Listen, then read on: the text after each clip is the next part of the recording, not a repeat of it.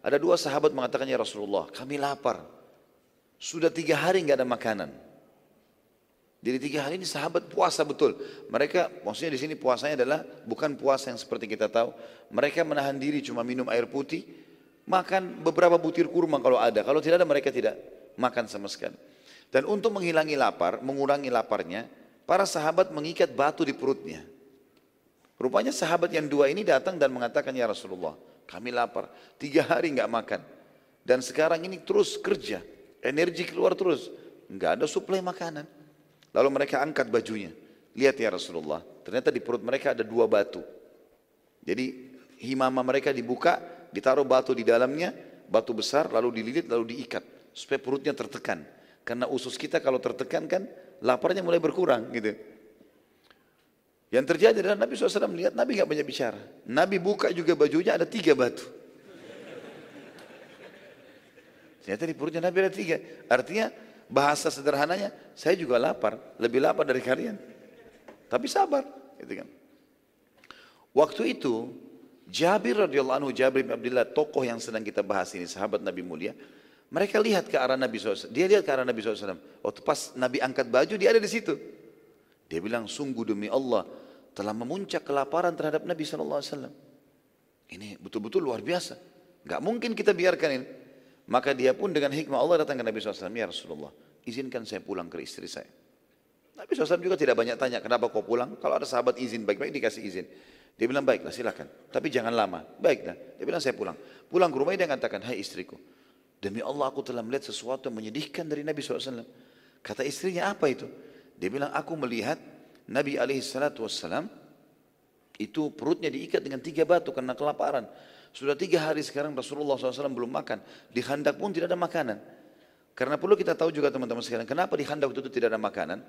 Penduduk Madinah pada saat itu, tradisi mereka, mereka bekerja hari ini, mereka makan hari ini.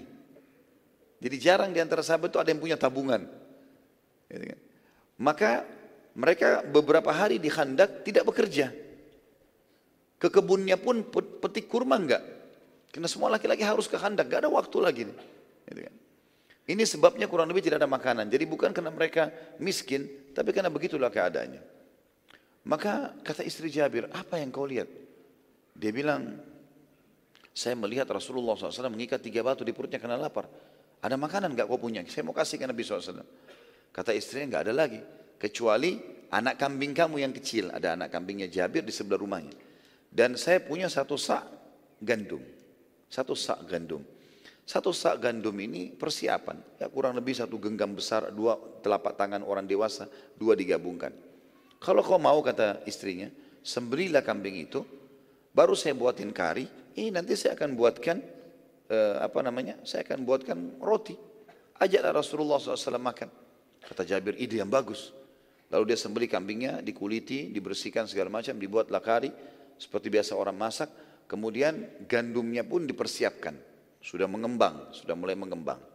Lalu kata istri Jabir, panggillah Rasulullah SAW. Tapi hai Jabir, pesan saya, ya, undang Nabi SAW dengan tiga, empat orang saja. Jangan lebih. Jangan permalukan saya, makanan tidak cukup. Saya pun lapar dengan anak-anak saya. Di Madinah pun begitu, banyak orang yang sedang kehabisan makanan. Kata Jabir, tentu saja, saya akan lakukan itu. Pada saat tiba di sekitar Nabi SAW, Jabir, ini hadis Bukhari Muslim tentunya ya. Jabir bin Abdullah membisikkan Nabi SAW mengatakan, Ya Rasulullah, ladayya tu'ayyim. Bahasa Arabnya, Ya Rasulullah, saya punya tu'ayyim. Dalam bahasa Arab teman-teman, dari ke bahasa Arab, ada namanya ismu tasgir. Mengecilkan sesuatu.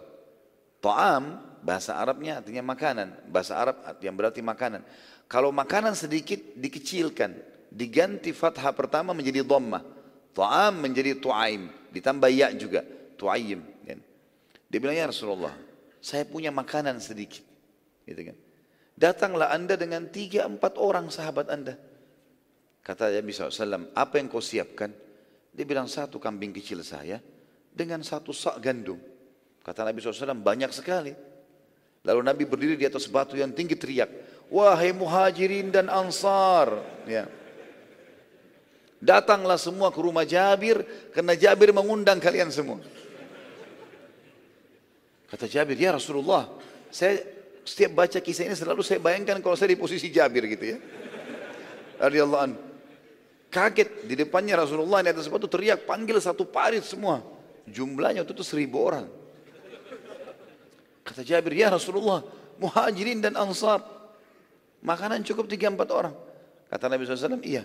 Pulanglah, jangan sentuh makanan itu sampai saya datang. Pulanglah, Jabir, lari ke rumahnya. Dalam riwayat ini dikatakan sampai dia lari, lalu mengatakan dari depan rumah belum buka pintu, wahai istriku kita dipermalukan.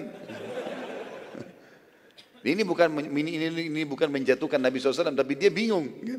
Maka dia mengatakan itu. Kata istrinya kenapa? Rasulullah SAW mengundang muhajirin dan ansar. Istri bilang kan saya sudah bilang tadi, undang Nabi sama tiga empat orang saja. Saya sudah lakukan, tapi Nabi ini perilaku Nabi. Gitu. Istrinya cerdas, dia mengatakan, apa ada pesan Rasulullah SAW? Dia bilang ada. Apa pesannya? Pulang jangan sentuh. Baik, kata istrinya jangan sentuh. Biarin Rasulullah SAW datang. Gak lama kemudian Nabi datang dengan seribu orang nih. Ya, 998 orang datang. Sama Nabi 999 sama Jabir seribu berarti. Datang, kita bayangkan depan rumah kita seribu orang datang nih. Ya. Sebesar apa pun rumah kita ini butuh tempat yang luas, makanan yang banyak, luar biasa.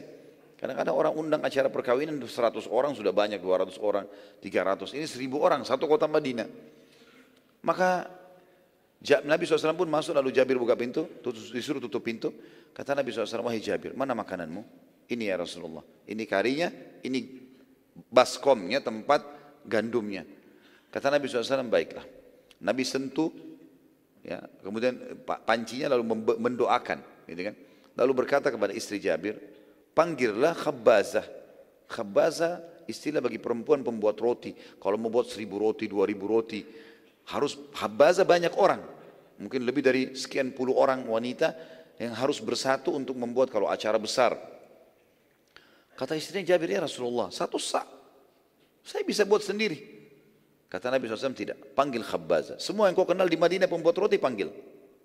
Istri Jabir pergi. Panggil perempuan-perempuan. Semua datang, rame. Tapi tidak disebutkan berapa orang dalam riwayat ini. Datang, lalu kata Nabi SAW, mulailah.